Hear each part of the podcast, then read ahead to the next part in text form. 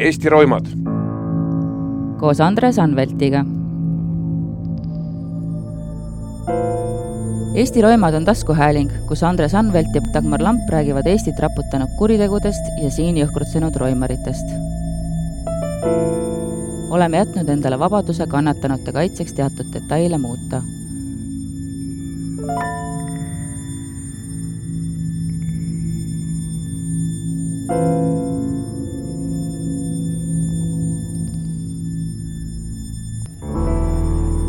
tuntud Eesti poliitik ütles kunagi, et ei ole vahet, kus pekstakse, kas kodus või baaris. politsei peab reageerima ühtemoodi.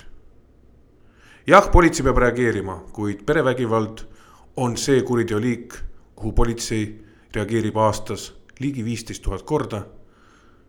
sellest kolm tuhat jõuavad menetlusse, kolmsada ka kohtusse ja perevägivald on kuriteoliik, mis jõuab erinevalt kõrtsikaklusest ka järgmisse põlvkonda. tuues Eesti riigile kahju aastas ligi sada kuusteist ja pool miljonit eurot ja seda ainult otseste kahjudeni.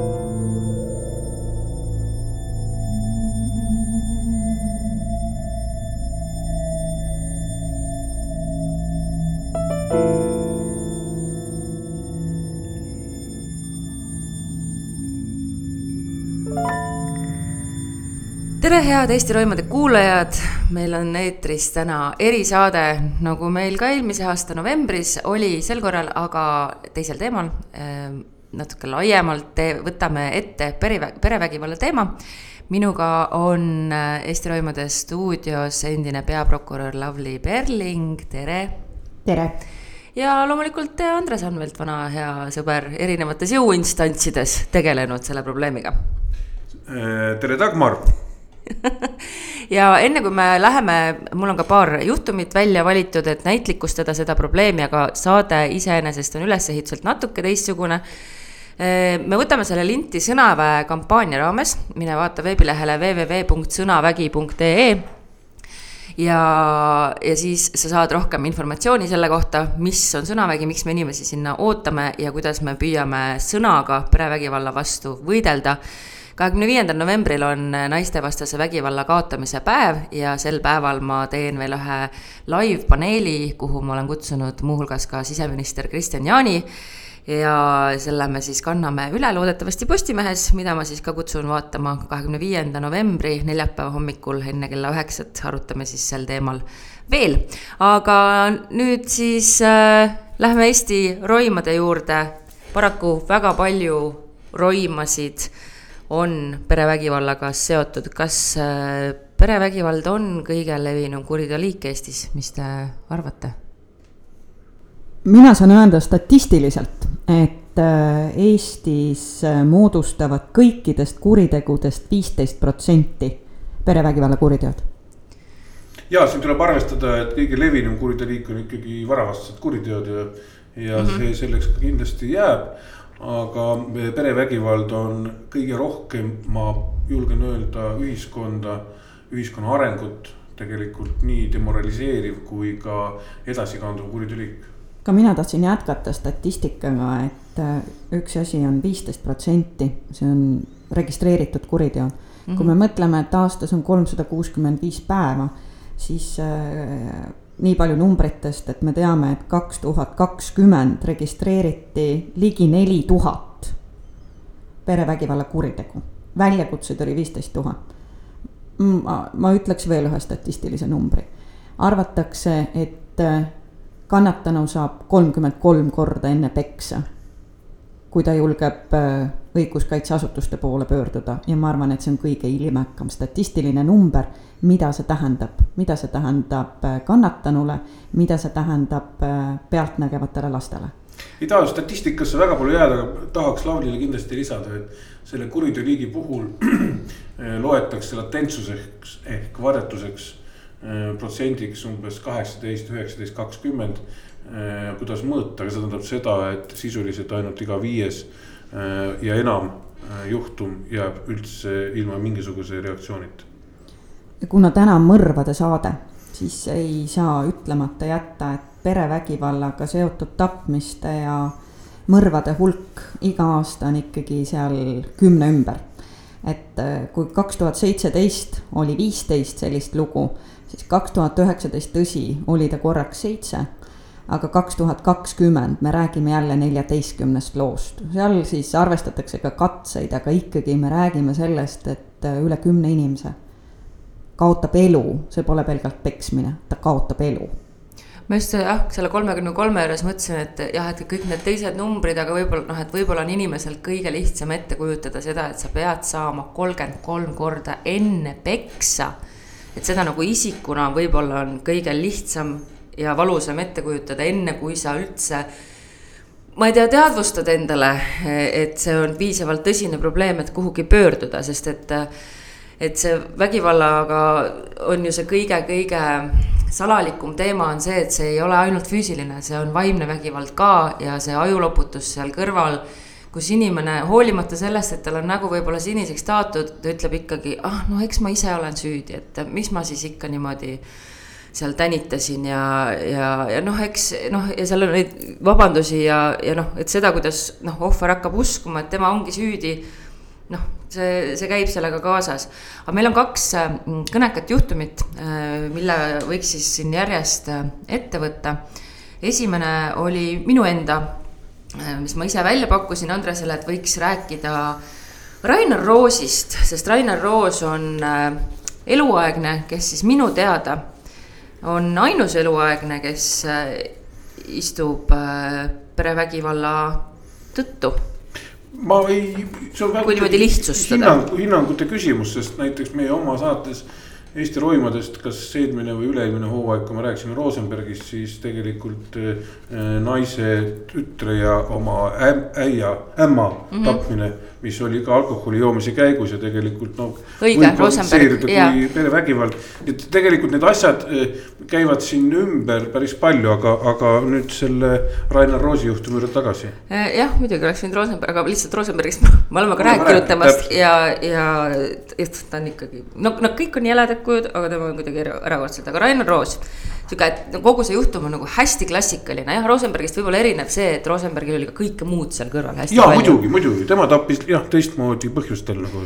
aga, aga Rainar Roos ja tema äh, naine Jana siis, Rainar oli kakskümmend seitse toona, aasta oli siis üheksakümmend üheksa.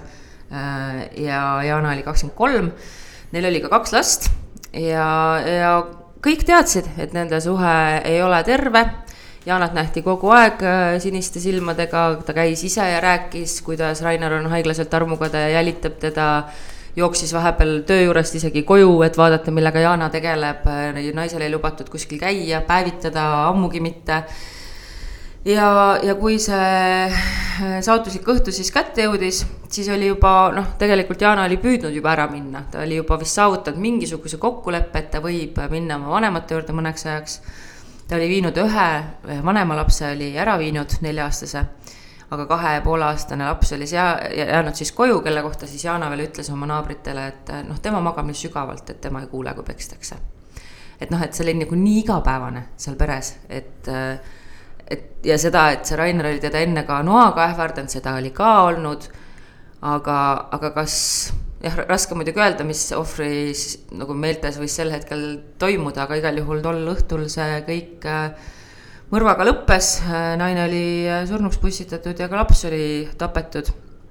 kummas järjekorras see jäigi nagu aru saamata täpselt vist, aga igal juhul pidi üks nägema teise tapmist või mõrva pealt ja Rainer ütles siis, see kõik toimus Aegviidus üheksakümmend üheksa, nagu ma ütlesin, ja Rainer siis äh, põgenes kodust, jättis maha mingi kirja, äh, läks Kadrinasse õe juurde ja siis õele tunnistas teo üles, andis politseile teada, aga muidugi väga värvikaks läksid asjad siis, kui äh, kui ta hakkas siis pärast oma kaitset üles ehitama. Lavly, kas sa mäletad seda lugu? Ma tunnistan, et ma seda lugu ei mäleta, sest ma alustasin tööd prokuratuuris üheksakümmend kuus ja toimetasin Tallinna mm -hmm. kesklinnaga, nii et. jah, see on jah seal. ju ma korraliku inimesena keskendusin ennekõike oma juhtumitele, aga. aga ta on selles mõttes hea lugu, et sa puudutasid kõiki olulisi teemasid. selline, et ta, perevägivald ei alga nagu esimesest, ta ei, ta ei alga tapmisega mm. -hmm ta algab manipuleerimisega, ähvardamisega, allasurumisega. teine, mida sa ütlesid, mis on hästi oluline, mida kannatanu tunneb. ma arvan, et kannatanu väga palju tunneb hirmu, lootusetust, alandust, häbi. see on see, miks kuritegu on hästi varjatud ja mm -hmm. miks on hästi oluline sellest rääkida ja öelda, et kannatanul on alati õigus, alati õigus. jah. anda neile see sõnum, et äh, te ei ole üksi, alati on lootust ja, ja, ja, ja teil on õigus vägivallatule elule.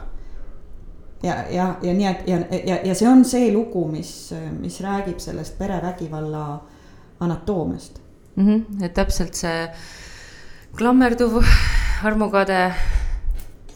ma tahan siia juurde öelda veel seda, et kuigi üheksakümmend üheksa olin mina äh, täistuuridel äh, politseinik, kes puutus kokku paljude mõrvadega, siis üheksakümmend üheksat iseloomustabki see, et kui me täna räägime sellest, et ligi pea pool, eks ju äh, mõrvadest, tapmist, nüüd mõrvadest, mis toimub Eestis, on seotud, eks ju, perevägivallaga. siis tol ajal oli äh, mõrvade ja tapmiste arv tunduvalt üle saja. Ja äh, perevägivald jäi sinna kuidagi varju. meie ühiskonnas sellest praegu peaaegu ei räägitud, jah, siin antud juhul seesama Rainar Roosi mõistetakse süüdi. aga see oli üks Äh, nendest mõrvadest, mis ümberringi toimus, siis ei võetud seda ühiskonnas kui midagi väga erilist. kuigi nii nagu Lavly ütles, ma olen sada protsenti nõus, siin on kõik sees olemas. siin on, mhm. see on noh, paha öelda niimoodi, aga see on nagu õppematerjal. Äh, musternäidis. täna, täna, mhm. tänapäeva ütleme politseinikele, prokuröridele, kohtunikele, eks ju, kuidas perevägivald äh, arenema hakkab. ka näiteks siinsamas, kui me loeme neid väljavõtteid Äh, lehtedest, mis on tegelikult tuginevad ka kohtumaterjalidel, äh, millest äh, veel aastaid hiljem väga paljud politseinikud aru ei saanud. et kuidas on võimalik näiteks, et on abielu inimesed ja siis Eh, mees vägivald, vägivallatseme käigus vägistab naist, nad on ju abielus, mis vägistamine. näiteks sellesama mõtte murdmine on olnud eh, paljudele inimestele oma peas väga raske, et see on mm -hmm. kuidagi arusaamatu, kuidas saab abikaasa abikaasat vägistada, no mis on minu meelest täitsa totter eh, lühinägelikkus. ja teine asi muidugi ka see, millest me saatest alustasime, nii nagu sa ka ette lugesid, eks ju. see pidev peksmine, see kulmineerus tapmisega, eks antud juhul ma kujutan ette, et siin oli neid peksmisi rohkem kui kolmkümmend kolm või see olla, eks ju, kui ta jõudis sinna tapmiseni mm. -hmm. ja, ja üks asi, mis ma oma eh, eh, jutu lõpetuseks antud asja iseloomustamisel ütlen, on see, et jällegi. Mm, millest me ka saate alguses ütlesime, antud juhul oli laps nii-öelda tunnistajaks kannatanuks ja lõpuks oli ta täitsa selles mõttes nagu mõrva kannatanuks. Äh, ja nende asjade juurde me ühiskond, et seda rohkem kriminaliseerida. Äh, just tuua välja ühiskonna valupunktid, et kui sa oled laps ja näed seda pealt, et see veel äh, välja tuua kui täiendava raskendava asjaoluni. sinna oli veel minna kuusteist aastat peale näiteks sedasama rasket Rainar Roosi juhtumit.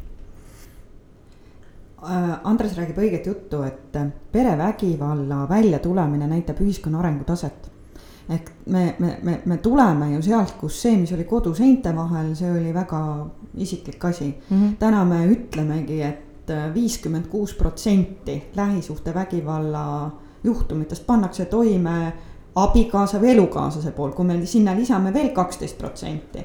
siis on, mille panevad toime endine abikaasa või elukaaslane, noh siis see on korralik protsent ehk ja see on hästi, see näitab selle varjatust.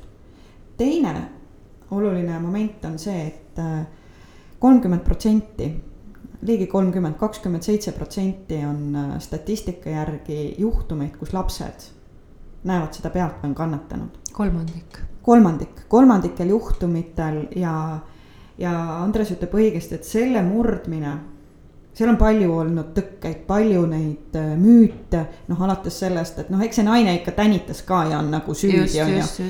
ja, ja, ja nii edasi, et nende müütide murdmine, jõudmine selleni, et äh, seda ei ole, riik reageerib kiiresti, jõuliselt ja me pöörame selle esmase tähelepanu sellele lapsele, me, me aitame alati ka kannatanut, see on aega võtnud mm. -hmm. see on aega võtnud ja nii koledalt, kui see ka kõlab, et ega see kõik on alanud ju sellest, et kuidas me ise aru saame. ise ma mõtlen, või nüüd ma räägin veel meie, on ju, kuidas õiguskaitsesüsteemi inimesed aru saavad, mis asi see on. ja, ja need uuringud alguses, mis tehti, olid valusad. sest uuringud tegid, jõudsid järeldustele, et ka uurijad, prokurörid ja kohtunikud ei saa aru. ja, ja nende sellised hoiakud ja suhtumine on pigem noh, selline noh, las ta nüüd olla, ärme nüüd igale vägivalla asjale ka reageerime. ja, ja see on tegelikult olnud lõputu töö, lõputu treenimine, lõputu personalivalikute maailm. Lavly, sina kui Äh, ütleme niimoodi, alustanud poliitik ja, ja mina kui täna ikkagi natuke eemaldunud endine poliitik. siis tasub meelde tuletada, et peale õiguskaitseorganite ja üldse ühiskonna tunnetuse väga suurt rolli mängivad siin ka poliitikud ise. Kes tegelikult kujundavad inimeste arusaama, nii nagu saateliidis üks meeshääl ütles tark mees oli. et üks väga tuntud Eesti poliitik veel kümme-viisteist aastat tagasi, kes oli Eesti ütleme niimoodi, justiitsminister, las kuulajad ise viskavad täringut, kes võis olla. ütles väga selgelt ühes oma sõnavõtus, et ei ole vahet, kus pekstakse. tema ei näinud vahet, kas on kodu või kõrts, kas on kõrtsukaklus või kodukaklus, politsei reageerib ühtemoodi sisuliselt ja see oli hoiak, mis anti edasi ja selle hoiaku pealt, vabandust, palun. Äh, kui ütleb seda poliitiline liider, siis sellist hoiakut kannavad edasi needsamad õiguskaitseorganid tihtipeale. vaadake, mina olen alati uskunud väga lihtsat teooriat, küllap see on ennegi siin saates kõlanud, et elustiili kuritegude vastu korruptsioon, terrorism äh,, lähisuhtevägivald aitavad kolm asja ühiskonnas. punkt üks, seadus peab olema, mida rakendada. Mhm. teiseks, poliitiline tahe peab olema. Seda liiki kuritegevuse vastu seista. Ja kolmas, motiveeritud võitlejad peavad olema. kui need tingimused on täidetud, tulevad tulemused, et selles mõttes, et nõus. Ja, ja teine, mis muidugi tuleb öelda, et ärme nagu õiguskaitsesse jookseme sisse, see on ei, ei, ei ka lähisuhtevägivald ei ole mingi õiguskaitsesüsteemi teema. see on kogukonna teema, see on märkamise teema, see on, see on sellise targa ühiskonna teema, kas me, kas me kas me julgeme küsida nagu lasteaias äh, näiteks äh, äh, lapse käest, keda me näeme kõrval kapi juures toimetamas, et mis triibud tal selja peal on mm. -hmm. või me tunneme, et minu pere ja minu mured lähevad sealt, kust läheb minu pere piir. ma väga austan pere. aga, aga, aga kõik algab sellest, et ma julgen küsida, mis triibud sul selja peal on ja kui vastus kõlab, et ema peksab koera rihmaga, siis tasub mõelda, et kas ma võtan seda selliselt, et noh, see on ikka veel teise pere mure ju, ei ole ju minu mure, pärast satun kuskile jamasse. no või ma nagu ikkagi sama... leian selle lahenduse ja, ja, ja reageerin. no perearstide puhul on täpselt samuti, ega meil on veel mõned aastad tagasi alles ka siin Norra äh, äh, ühiskonna abiga, eks ju, kus Eestis tehti väga palju perekonna ja, ja äh, perevägivalla siis nagu öeldakse, vastaseid koolitusi, siis üks äh, sihik oli ka näiteks äh, erinevad professionaalid, kes perega kokku puutuvad. Ja siinhulgas mitte ainult õpetajad, aga näiteks ka perearstid kes peaksid, kes enamus märkabki sellest ja, ja teavitab sellest siis ja võtab midagi ette. kui ikkagi abikaasa või naine käib arsti juures ja tal on pidevalt just sellised mured Äh, mis ei ole seotud nohu ja köhaga, eks ju. aga äh, rasketest hematoomidest kuni ütleme siis luumurdudeni välja mm. -hmm. ja, ja teine asi kindlasti, äh, mis on väga oluline, on kuidas siin ümber toimib kohalik omavalitsus. Noh, antud selle Rainar Roosi juhtumi kõrval ma ei ole väga kindel, muidugi ma ei taha kellegi vastu ülekohtune olla, et siin märgati seda väga palju, siin reageeriti juba siis, kui kuritegu oli toimunud. tegelikult see märkamine antud juhul normaalses ühiskonnas kus toimuvad kõik äh, ühiskonnas ette nähtud või sotsiaalsed valdkonnad ümberringi. sotsiaaltöötajatest, kes tunnetab, et see on riskiperekond ja nii edasi. et võib-olla oleks see kuritegu jäänud toimimata jah, et seal ilmselt oligi see, et nägid sõbrad, nägid naabrid, aga, aga tõenäoliselt jah, ega ma ei teagi tegelikult, et, et kui palju seal ametnikud võisid näha. mul vahepeal muidugi meenus, et tõepoolest ma alguses siin liiga kiirelt tegin üldistusi, et tõepoolest tegelikult on ka näiteks Kopli lihuniku oma naiste tapmise eest istub eluaegselt, et on teisi eluaegseid veel, aga, aga jah, et, et see no see võib-olla sellepärast, ega sa väga eksinud, sest kui me tuletame neid teisi asju meelde, siis äh, Rainar Roosi juhtum on selles mõttes nagu kõige klassikalisem mm -hmm. perevägivalla juhtum, kus asi areneb aegapikku. Rosenberg, noh tal oli natuke Ta teine võib-olla motivatsioon, kuidas ta sattus mm. -hmm. sinna perekonda, eks ju. ja kuidas ta jõudis selleni, et alkoholi joomise käigus siis ära tappis kõik ümbritsevad inimesed. Et seal on natukene, kuigi see on ka jah, see on lähisuhtevägivald, see on arusaadav mm. -hmm. aga eh, siin saab ka kindlasti ütleme, kui läheneda sellele eh, võib-olla eh, rohkem niimoodi sotsiaalsemalt, siis on, siin on arenev perevägivald, mis lõpeb siis selle kahjuks loogilise lõpuga ta ise rääkis, et hiljem jäi ta selle versiooni juurde, et sisse tungisid mingid võõrad, kes, kes hakkasid, viisid toime siis selle kuritöö ja, ja teda lavastati süüdi, seejuures ta siis veel äh, kaks tuhat viis ta abiellus vanglas, ta on korduvalt armu palunud ja, ja ta on siis ka tagantjärgi oma seda tapetud äh, naist süüdistanud äh, vägivallas vist omakorda no aga see kõik, mida sa räägid praegu näitab, see, millest Lavly rääkis. et nende inimeste oskus manipuleerida mm -hmm. on ikkagi grandioosne, et ta suudab eh, juba hiljem, kandes elukaegset karistust, eks ju, manipuleerida uue inimesega. üks on manipulatsioon, teine on see, et nad leiavad alati õigustusi. Need uskumatu milliseid õigustusi me oleme kuulnud nende käest, aga ma olen alati julgenud neile otsa vaadata ja öelda, et te olete arad mehed noh, ma ei julgenud Mhm. kasutada sõna mehed, et olgugi siis statistiliselt öeldud et, et kaheksakümmend kaheksa protsenti nendest toimepanijatest on mehed. tärnike peab seal olema et ja äh, aga see näitab mõnes mõttes ju sellist äh, argust või nõrkust. nagu mm -hmm. nad ei tule toime ja minu meelest on see kindlasti üks asi, mida nagu, nagu tulekski väga selgelt ühiskonnas isegi rohkem rääkida, et anda neile nagu see sõnum, et see ei ole normaalne, sa oled nagu arg ja vilets mees, kui sa nagu kasutad vägivalda. et aidata tõsta ikkagi seda kannatanut, et äh, mine, sul on õigus oma elule, näidata talle seda lootust, sest äh, noh, mina ise olen rääkinud kümnete kannatanutega ja ma võtsin alati ka tippjuhina oma telefoni vastu, kui, kui keegi helistas ja ei vaadanud kella. Ja mm -hmm. need äh, mõned hilisõhtused vestlused, kus äh, noor naine kirjeldab, kuidas tal on juuksed peast ära tiritud, millised nagu haavad tal on äh, hetkel, kuidas ta on traumapunktist tulnud, aga seal veel ei fikseeritud seda ju lähisuhtevägivallana ja kuidas sa siis nagu veenad teda sisuliselt tunde. et aga su oma laps. ja, ja kui ta siis ütleb, et jaa, ei, meil nagu väikse lapsega on kõik hästi, tema veel ei saa aru. kuulge, millest ta aru ei saa, kui ta näeb oma ema, kellel on juuksed peast tiritud ja, ja pool nägu puruks rebitud ja siis kannatanu ütleb, et aga suurem saab aru, ta ei julge enam kooli minna, ta hoiab mult kramplikult kinni hommikuti, ta ei lähe kooli, sest see väike laps tahab päästa oma ema. Need on need lood ja kui, kujutage nüüd ette, et noh, miks ma nagu ütlen, et need on need lood, kuhu sa pead alati sisse minema, need on valusad. aga kui sa ei lähe sinna sisse, siis sa, sa, sa, sa ei suuda pakkuda lahendusi mm. -hmm. et sa pead nägema, et äh, kui see laps on väga kaua selle vägivalla keskel, siis see, mis lapsega toimub, on äh, normaliseerumine.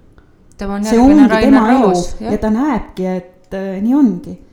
Ja keegi ja inimene on üldiselt nii ehitatud, et äh, kui ta hakkab seda endale äh, seletama, normaliseeruma, siis ta ju kasvab ise samasuguseks see on muideks perevägivalla Rainar Roos, jah. ongi täpselt perevägivalla puhul äh, see reegel kehtib, seda on erinevad sotsiaaluuringud näidanud. kriminoloogid tõestanud, et siin on väga palju edasikanduvust. põhimõte on milles, põhimõte on selles, et, et tihtipeale nähakse, et vägivald on kommunikatsiooniliik. ja see kommunikatsiooniliigi kasutamine viiakse edasi kooli, tänavale või siis oma enda perekonda tulevikus. sest nähakse, et sellega on võimalik saavutada mingi tulemus sest see on olnud osa igapäevasest tema lapsepõlvest. Nii-öelda suhtlusest. ja sellepärast ma tahangi alati öelda nendele inimestele, kes suhtuvad naabri juures toimuvasse perevägivalda, et see on nende peresisene asi. siis nende egoismi mahasurumiseks või ütleme vastupidi, võib-olla siis mitte hirmu tekitamiseks, aga ärevuse tekitamiseks öelda alati seda, et seesama vägivallatseja või tema vägivallatsemist kõrval üles kasvanud inimene võib olla üks see, kes talle kuskil õhtul pimedas kangi all äh, nuga annab aga see lahendus on see, et sellest tuleb rääkida, neid lugusid tuleb rääkida, sest perevägivald kardab üldiselt valgusvihta. talle tuleb see, seda, seda tuleb nagu näidata. ja mulle ja, ja samas, kui me mõtleme, et kas nüüd on kõik hästi ühiskonnas, noh, ilmselt ei ole, meil on veel ikka pikk tee minna. ma mäletan, kui me tegime sellist projekti nagu Julge laps, see oli üks huvitav asi, mis algas tegelikult ühest, ühest kõnest, kus ma kõne alguses kasutasin äh, hädaabikõnesid, mida lapsed tegid. Nad, äh, ja see oli üks kõne, mis kriipis hinge see laps helistas, loomulikult olid sealt andmed kustutatud ja ta rääkis, et äh, praegu isa peksab ema, et tema väike õde on teises toas, ta püüdis leida lahendust äh, sellele olukorrale, et kuidas seda nüüd siis, äh, et, ta, ta kirjeldas seda, mis toimub ja püüdis hankida abi oma emale, oma väikesele õele, kes oli teises toas. ja ma tükk aega mõtlesin, kas ma, kas ma teen seda või ei tee seda, sest äh, sest äh, see kõlas suure saali ees.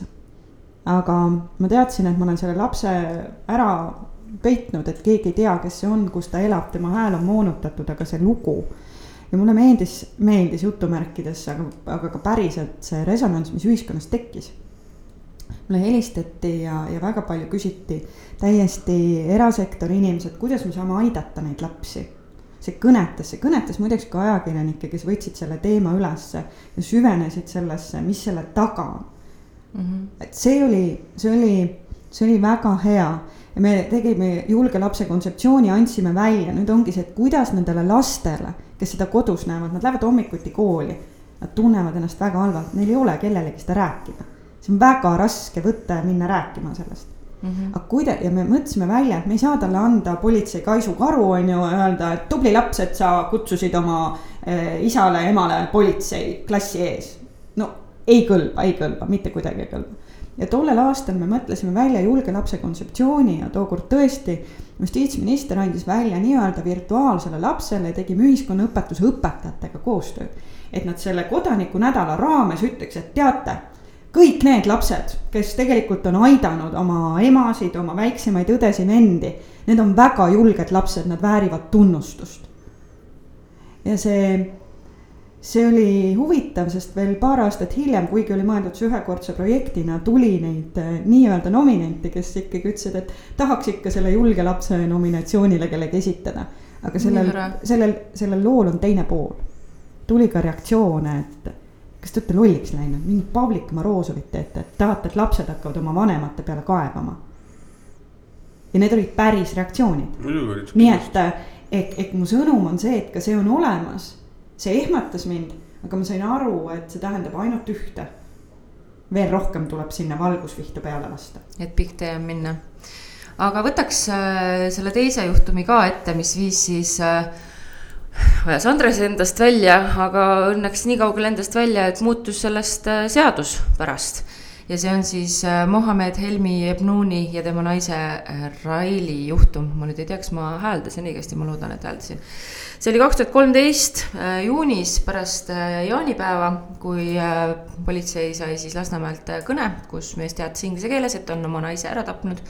ja taustal siis oli kuulda lapse kisa, nuttu ja siis rullus välja selline äh, lugu, et äh, et mees, keda sõbrad kutsusid Helmiks, mm, Tuneesiast pärit, oli joonud paar päeva enne seda oma ämma-äia juures päris kõvasti, oli jõudnud deliiriumisse, proovinud ennast ära tapma, naine siis läks äh, vahele, takistas ja, ja siis lõppes julma veretööga. aga kurioosne oli siis või eriti siis imelik või, või jah, kuidas siis nüüd öelda oli tõsiasi, et tegelikult juba pool aastat varem oli Raili politseisse avalduse teinud selle kohta, et Helmi on, on vägivaldne ja asi oli lõppenud kokkuleppe, isegi mitte kokkuleppemenetlus vist ei ole õige sõna, aga lepitusaktiga. lepitus, lepitus, noh, ongi lepitusmenetlus ja lepitusakt. jah, Sotsiaalkindlustusametis olid siis võetud, vist isegi ei olnud see naine ise kohal käinud, et seda allkirja anda või, või oli vist temaga suheldud. ei, ei olnud, telefoni teel oli suhtlus käinud. ja ei olnud jah füüsilist kontakti, nii, aga jah, palun. jah, et, et ühesõnaga äh, naine oli, oli rääkinud nii oma, isegi oma eksmehel oli rääkinud, et, et saab peksa ja oli isegi siis Helmi ähvardanud teda ära tappa ja enne jõule siis püüdis naine ära minna, aga läks tagasi nagu väga-väga sageli Äh, minnakse, sest et lubatakse, et enam see ei kordu. kõik muutub nüüd, näidatakse seda, seda suurepärast head külge, mesimagusat juttu. aga, aga jah, et, et kui siis kogu see mm, lugu sellise traagilise lõpetuse sai, siis aasta aega hiljem, äh, Helmi sai seejuures siis viieteistaastase vanglakaristuse. Äh, aasta aega hiljem, kui asi jõudis kohtusse, siis hakkasid vist, äh, Andres, sina seda asja Ekspressi mahitusel äh, uurima, et kas ikka kõik ametnikud olid Raili suhtes, tegid oma parimat äh, tööd, et oleks saanud seda kuritegu ära hoida? ja kindlasti, ega kuidas siis poliitiku ja äh, eriti veel selle valdkonna juhtiva poliitiku, justiitsministri kõrvu need asjad tihtipeale jõuavad äh,. Nad jõuavadki läbi ajakirjanduse mm -hmm. ja ajakirjandus mängib siin minu meelest üliolulist rolli äh, ja siis sai hakatud eh, vaatama, mis siis on toimunud, kuidas me jõuame selleni tegelikult, kus sisuliselt on ju kõik eh, juba näha, on näha, et areng toimub eh, negatiivses suunas. ja siis vahepeal veel tehakse lepitusakt, kuhu pannakse kirja seda mis oli minu arust täitsa totter, kuigi noh, siin prooviti selgitada, et see on nagu sõnastustest ja seadusest tulenev. et eh, vabaneb tingimusega meesterahvas siis Helmi, et ta ei peksa oma naist pool aastat, no see on nagu ei tahtnud ka mulle pähe. et siis sai hakata eh, üksikasjalikult eh, seda asja analüüsima nii koostöös äh, prokuratuuriga tol ajal ma mäletan, kindlasti justiitsministeeriumi ametnikud tegid oma töö. ja tegelikult sellest asjast äh, tekkis ajapikku mitu seadusemuudatust isegi, et osad tulid kiiremini, osad tulid hiljem, aga kindlasti väga palju muutis ta sellist lähenemist kannatanule kindlasti. Mm -hmm.. noh, näiteks sellised asjad, et kannatanuga räägitakse Äh, nii-öelda lepituse ajal äh, telefoni teel ainult, nägemata tegelikult, kuidas ta on manipuleeritud või mitte. Äh, see on nagu üks reegel, et siin ei saa mitte kõne allagi tulla, et. ja, ja teine asi kindlasti, mis on ülioluline selle asja puhul on, on see, et üldse väga kaaluda tuleb, kuivõrd üldse lepitus, selline lepitusmenetlus sobib perevägivalla asjade hulka. miks sellepärast tuleb arvestada, et vägivalla, äh, vägivald äh, nagu on jätkuks äh, ka heale, ütleme jutumärkides heale, siis vaimsele manipulatsioonile ja kui inimene on juba ükskord manipuleerinud, manipuleerimine on erinev ka selleni välja, et kui me ära ei lepi Eh, see on kõige tüüpilisem olnud, siis me läheme lahku, siis on sul raskused, eh, mind pannakse kinni. Eh, sina ei saa majanduslikult hakkama, sa lähed tänavale, sul võetakse lapsed ära, no sada asja, mis sinna juurde võtta. et suruda siis see teine pool niimoodi nurka, et ta on nõus ükskõik mis tingimustel leppima, isegi sellega nii-öelda jutumärkides seda pool aastat ei peksta siin on üks oli jah seadus, aga mina mäletan seda lugu, sest ma olin just tööle naasnud ja, ja, ja asunud peaprokuröri kohuseid täitma kui ühiskonnas see skandaal ja see oli nagu ju mõnes mõttes hea, et see skandaal kerima hakkas. sest äh, sellised asjad nagu sunnivadki süsteeme vaatama, et äh, mis seal toimub ja, ja see oli nagu hetk, kus ma arvan, kõik said aru, et midagi on väga valesti. ehk äh, alates sellest, et, et me ei eemalda vägivallatsejat. Et me laseme tal kodus edasi elada, mis tähendab, et algab manipulatsioon. Ja ma mäletan, et sealt algasid nagu, nagu need muudatused, et mitte ainult seadus, ma olen, ma kuulun nende juristide hulka, kes ei taha kuulata kunagi argumente, kui ma kuulan, kuidas justiitsminister räägib, et me ei saa andmekaitse tõttu teavitada õpetajaid, siis mul tõusid juuksekarvad püsti, sest minu meelest poliitikud, õiguskaitseasutused, nende ülesanne on lahendusi leida, pakkuda, rakendada Mm -hmm. mitte otsida vabandusi, miks midagi teha ei saa. sada protsenti nõus. ja, ja, ja see oli aeg, mis muutis, et ma täna ei tea, ma olen kaks aastat eemal olnud, aga ma siiski loodan, et see kõik toimib edasi.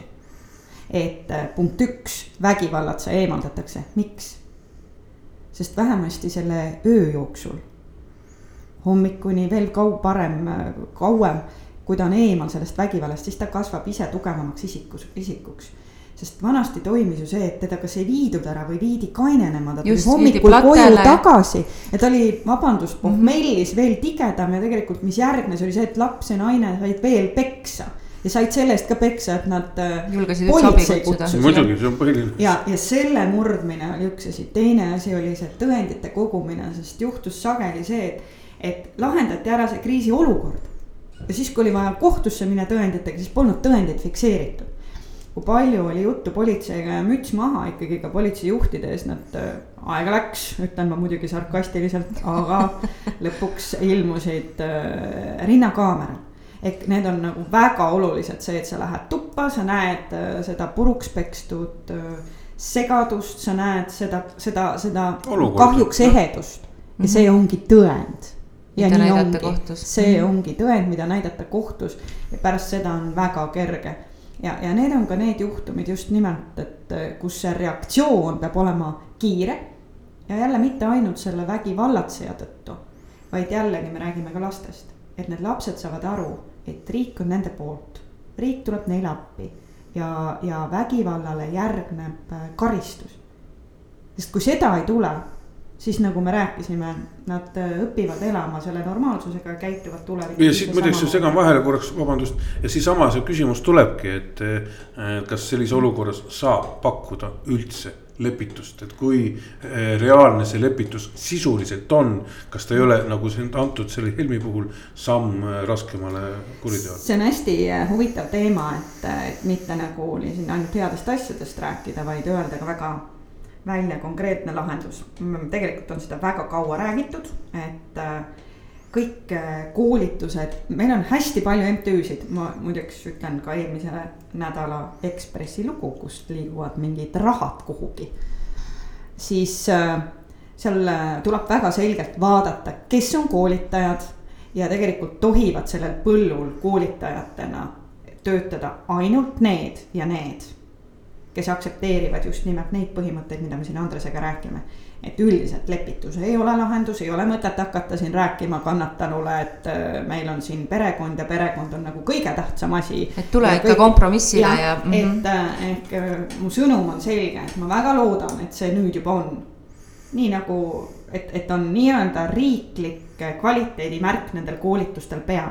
sest kui need koolitused ei ole kvaliteedimärgiga ja suunatud kannatanu kaitsele, siis nad mõjuvad vastupidise efektiga. ehk tegelikult see on kõige hullem, mida me kannatanutele teha saame, et suuname nad kuskile koolitusele, kus nad saavad veel enam-vähem seda tarkust. ohvristatakse ära või? et Jah. äh, jah, et noh, proovi nüüd ikkagi siis nagu saad, saad aru, et sa oled ohver? et äh, ja, ja viimane asi, et mille, mis mulle nagu ikkagi noh, alati hingel on ja samas, mis ma arvan, mis on meie selline edu võti olnud. Sest noh, me, meil ikkagi mingid edulood on, on see, et me oleme kogu aeg püüdnud kokku siduda omavahel õiguskaitset ja sotsiaalsüsteemi. ja, ja, ja nii nagu see ei ole ainult õiguskaitse teema, vaid on ühiskonna teema, ei ole see ainult mingisugune juura ja kriminaalmenetlus, vaid see on naabrite lugu, see on kaaslapsevanemate lugu ja, ja nagu Andres mainis ka poliitikuid on ju, siis äh, muideks äh, lähen täna mina esimesele Saue volikogu istungile. ja, ja vabatahtlik sotsiaalkaitse on äh, minu peas endiselt, sellepärast et ma sõltumata sellest, kes ma olen, kus ma töötan, minu maailm ja minu väärtused on ju samad ja mina väidan, et äh, kui mehed on hakkama saanud vabatahtliku kaitseliiduga ja vabatahtlike päästega, siis on võimalik, ma ei taha öelda, et naised on ju, et rõhk ei ole sõnal naised, aga on võimalik üles ehitada väga selge vabatahtlik sotsiaalkaitsesüsteem. kus äh, nendes situatsioonides, kus politsei läheb kohale, kutsutakse appi ka see kogukonna inimene kes aitab sellel õhtul võib-olla asjad paika seada, võib-olla keeta üks tass rahustavat teed. võib-olla mm -hmm. ei ole seal kodus võimalik olla, et pakkuda enda juures nagu rahulikku ööbimist ja näidata sellele emale ja lastele, mis tunne on ärgata hommikul äh, ühes kodus, kus ei ole peksu, kus on hommikul kohvi, tee ja võileivad ja siis saab see vabatahtlik võtta, kes jääb talle nii-öelda tugiisikuks ja aitab ta edasi, viib ta proffide juurde. Aga, aga ma arvan, et sest meil ei ole mõtet loota, et riik jõuab igale poole, pigem on see tugev kogukond, mida tuleb nagu arendada ja kasvatada. ja siia täienduseks, et eh, sellesama perevägivalla vastases tegevuses on, on isegi mitte niivõrd riik, riik mängib kindlasti rolli aga, aga kohalik omavalitsus, sealtkaudu ka kogukond, sest tegelikult, kui me võtame kohaliku omavalitsuse eh, kvaliteedi selles küsimuses on täpselt samuti, kui palju keegi paneb seda endale prioriteediks ja seob need kõik institutsioonid omavahel. seob omavahel äh, sotsiaalkaitsetöötajad, äh, kes on äh, siis kohaliku omavalitsuse juures seob omavahel lastekaitsetöötajad, seob omavahel siis politsei, kes on riigiaparaat, ohvriabi, mis on ka riigiaparaat ja paneb nad kõik koos tööle ja see Lavly mõte on väga huvitav muideks, see sotsiaalkaitse, kes on, kes on valmis oma tuttava näoga tulema, sellepärast mõnes suuremas omavalitsuses on sotsiaalkaitsetöötaja nägu jääb ka kuhugi väga kaugeks ja sa ei usalda teda kohe. sest perevägivalla puhul on, mis asi on kõige olulisem asi? tema vastasest tegevus on usaldus, usaldus selle vastu, kes tuleb, keda sa kutsud appi kas ta suhtub sellesse külmalt, ükskõikselt või ta äh, võtab su muret, äh, sa näed, et sa saad sealt abi. sellest sõltub ka järgmised sammud, kas sa julged edasi minna sellega, kas sa julged äh, oma vägivallatlusele vastu hakata.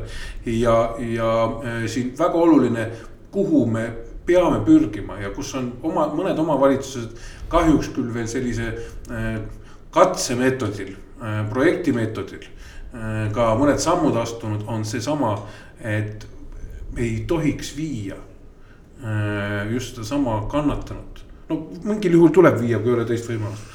kannatanu äraviimine näiteks nende lastega äh, nõrgestab teda veel. ehk tegelikult see vägivallatseja, isegi siis, kui see ei ole veel eskaleerunud, kui see on eskaleerunud kuritegu siis on selge, arestima ja nii edasi, see peaks olema nagu raudne tõde.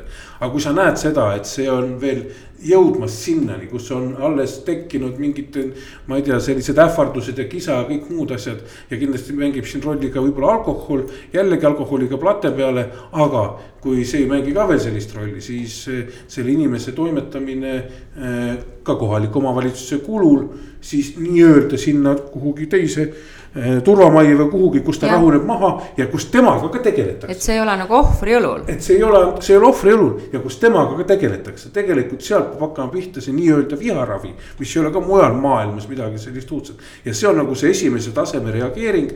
ja seda on veel Eestis vähe, aga see on see, kus suurt rolli mängib just kohalik omavalitsus, see on tema kogukond see ei ole keegi muu, riigi jaoks tihtipeale jääb see kauge, riik on repressiivaparaadiga, võib seal vahepeal olla. või ohvriabiteenusega, kus on konkreetsed summade jagamised ja nii edasi, aga kohalik omavalitsuse kogukond on see, kes peab ennem konflikti eskaleerumist eh, selle asja proovida ikkagi viia normaalsetesse, nagu öeldakse, rennidesse.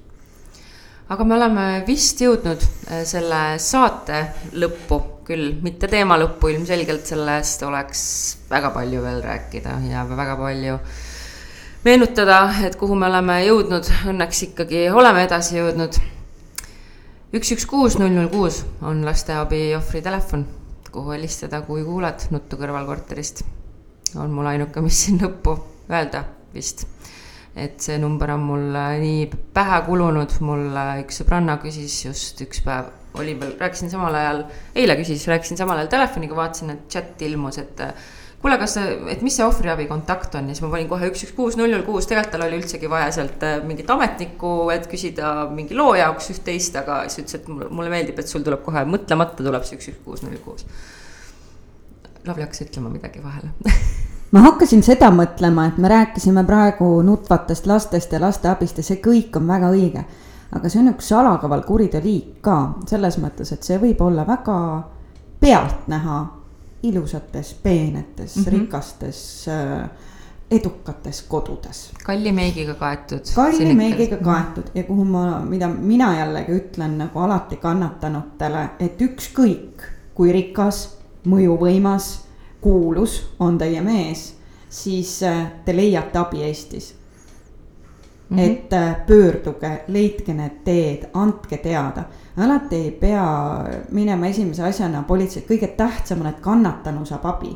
kannatanu saab abi, et kannatanu saab selle loo ära rääkida, aga ma jään selle juurde, et, et tuleb rääkida. jah, ja mida ma olen avastanud, mis väga sageli, paraku väga palju mu sõbrannasid on olnud mingis faasis vägivalla ohvrid ja, ja nendel hetkedel, kui ma püüan neile toeks olla kui nad on selle lahtimurdmise nagu teinud, siis mingil hetkel tulevad alati sellised, ah, kas ikka oli? Ja siis ma soovitan nagu jah, sa kindlasti tunned ennast mitmel põhjusel väga halvasti, sa kahetsed, oled kurb, sa leiad seda aega, mis on läinud sinna suhtesse ja, ja nii palju erinevaid vastakaid emotsioone. aga kui sa hakkad mõtlema, kas sa äkki lõpetasid liiga ennatlikult, kas sa oleks pidanud veel pingutama seal suhtes, siis võta nagu hästi lihtsalt, et asjad, mida tema tegi, on seadusevastased sa ei pea siin üldse nagu, kui see on seadusevastane, siis on selge, et tema on eksinud. Minul tuleb meelde üks jutuajamine ühe kannatanuga aasta tagasi. kuigi kannatanu oli ta neli aastat tagasi ja ta mm -hmm. oli mhm. minu jaoks peaaegu võõras inimene, oligi kannatanu. aga kui ma nägin teda aasta tagasi juhuslikult ja ta rääkis mulle, et ma ei ela enam suures majas, mul ei ole enam kõike seda, mis mul oli. ma elan nüüd äh, väikeses korteris oma lastega, ma saan hakkama, aga ta säras. Ja ta ütles, et ta ei oleks iial uskunud, et ta veel kunagi hakkab uskuma, et elu võib ilus olla. jah, täpselt. ja selle nimel tasub, tasub pingutada. aga aitäh, Andres ja aitäh, Lavly, see oli äh,, mina võtsin vahepeal igal juhul pisaraid tagasi. väga tähtis jutuajamine ja suurepärane, et me saime selle erisaate teha ja meie siis, ma jälle tuletan meelde kõikidele kuulajatele, kes mind pommitavad, et Eesti Roimad on kevadhooaja saade, märtsist juunini teeme me tegelikult. nii et äh, olge kannatlikud, tuleb uus hooaeg ka ja loodetavasti näeme järgmine hooaeg siis Lavlit meie stuudios, nii et. rõõmuga olen teiega. see on nii tore. ja kõigile seniks rahulikku, turvalist, pimedat novembrit, detsembrit, jaanuarit, veebruarit ja märtsis me tuleme tumedate lugedega jälle välja. jah, just. olgu, aga teeme siis siit head aega ja püsige, püsige turvalised. Eesti roimad. koos Andres Anveltiga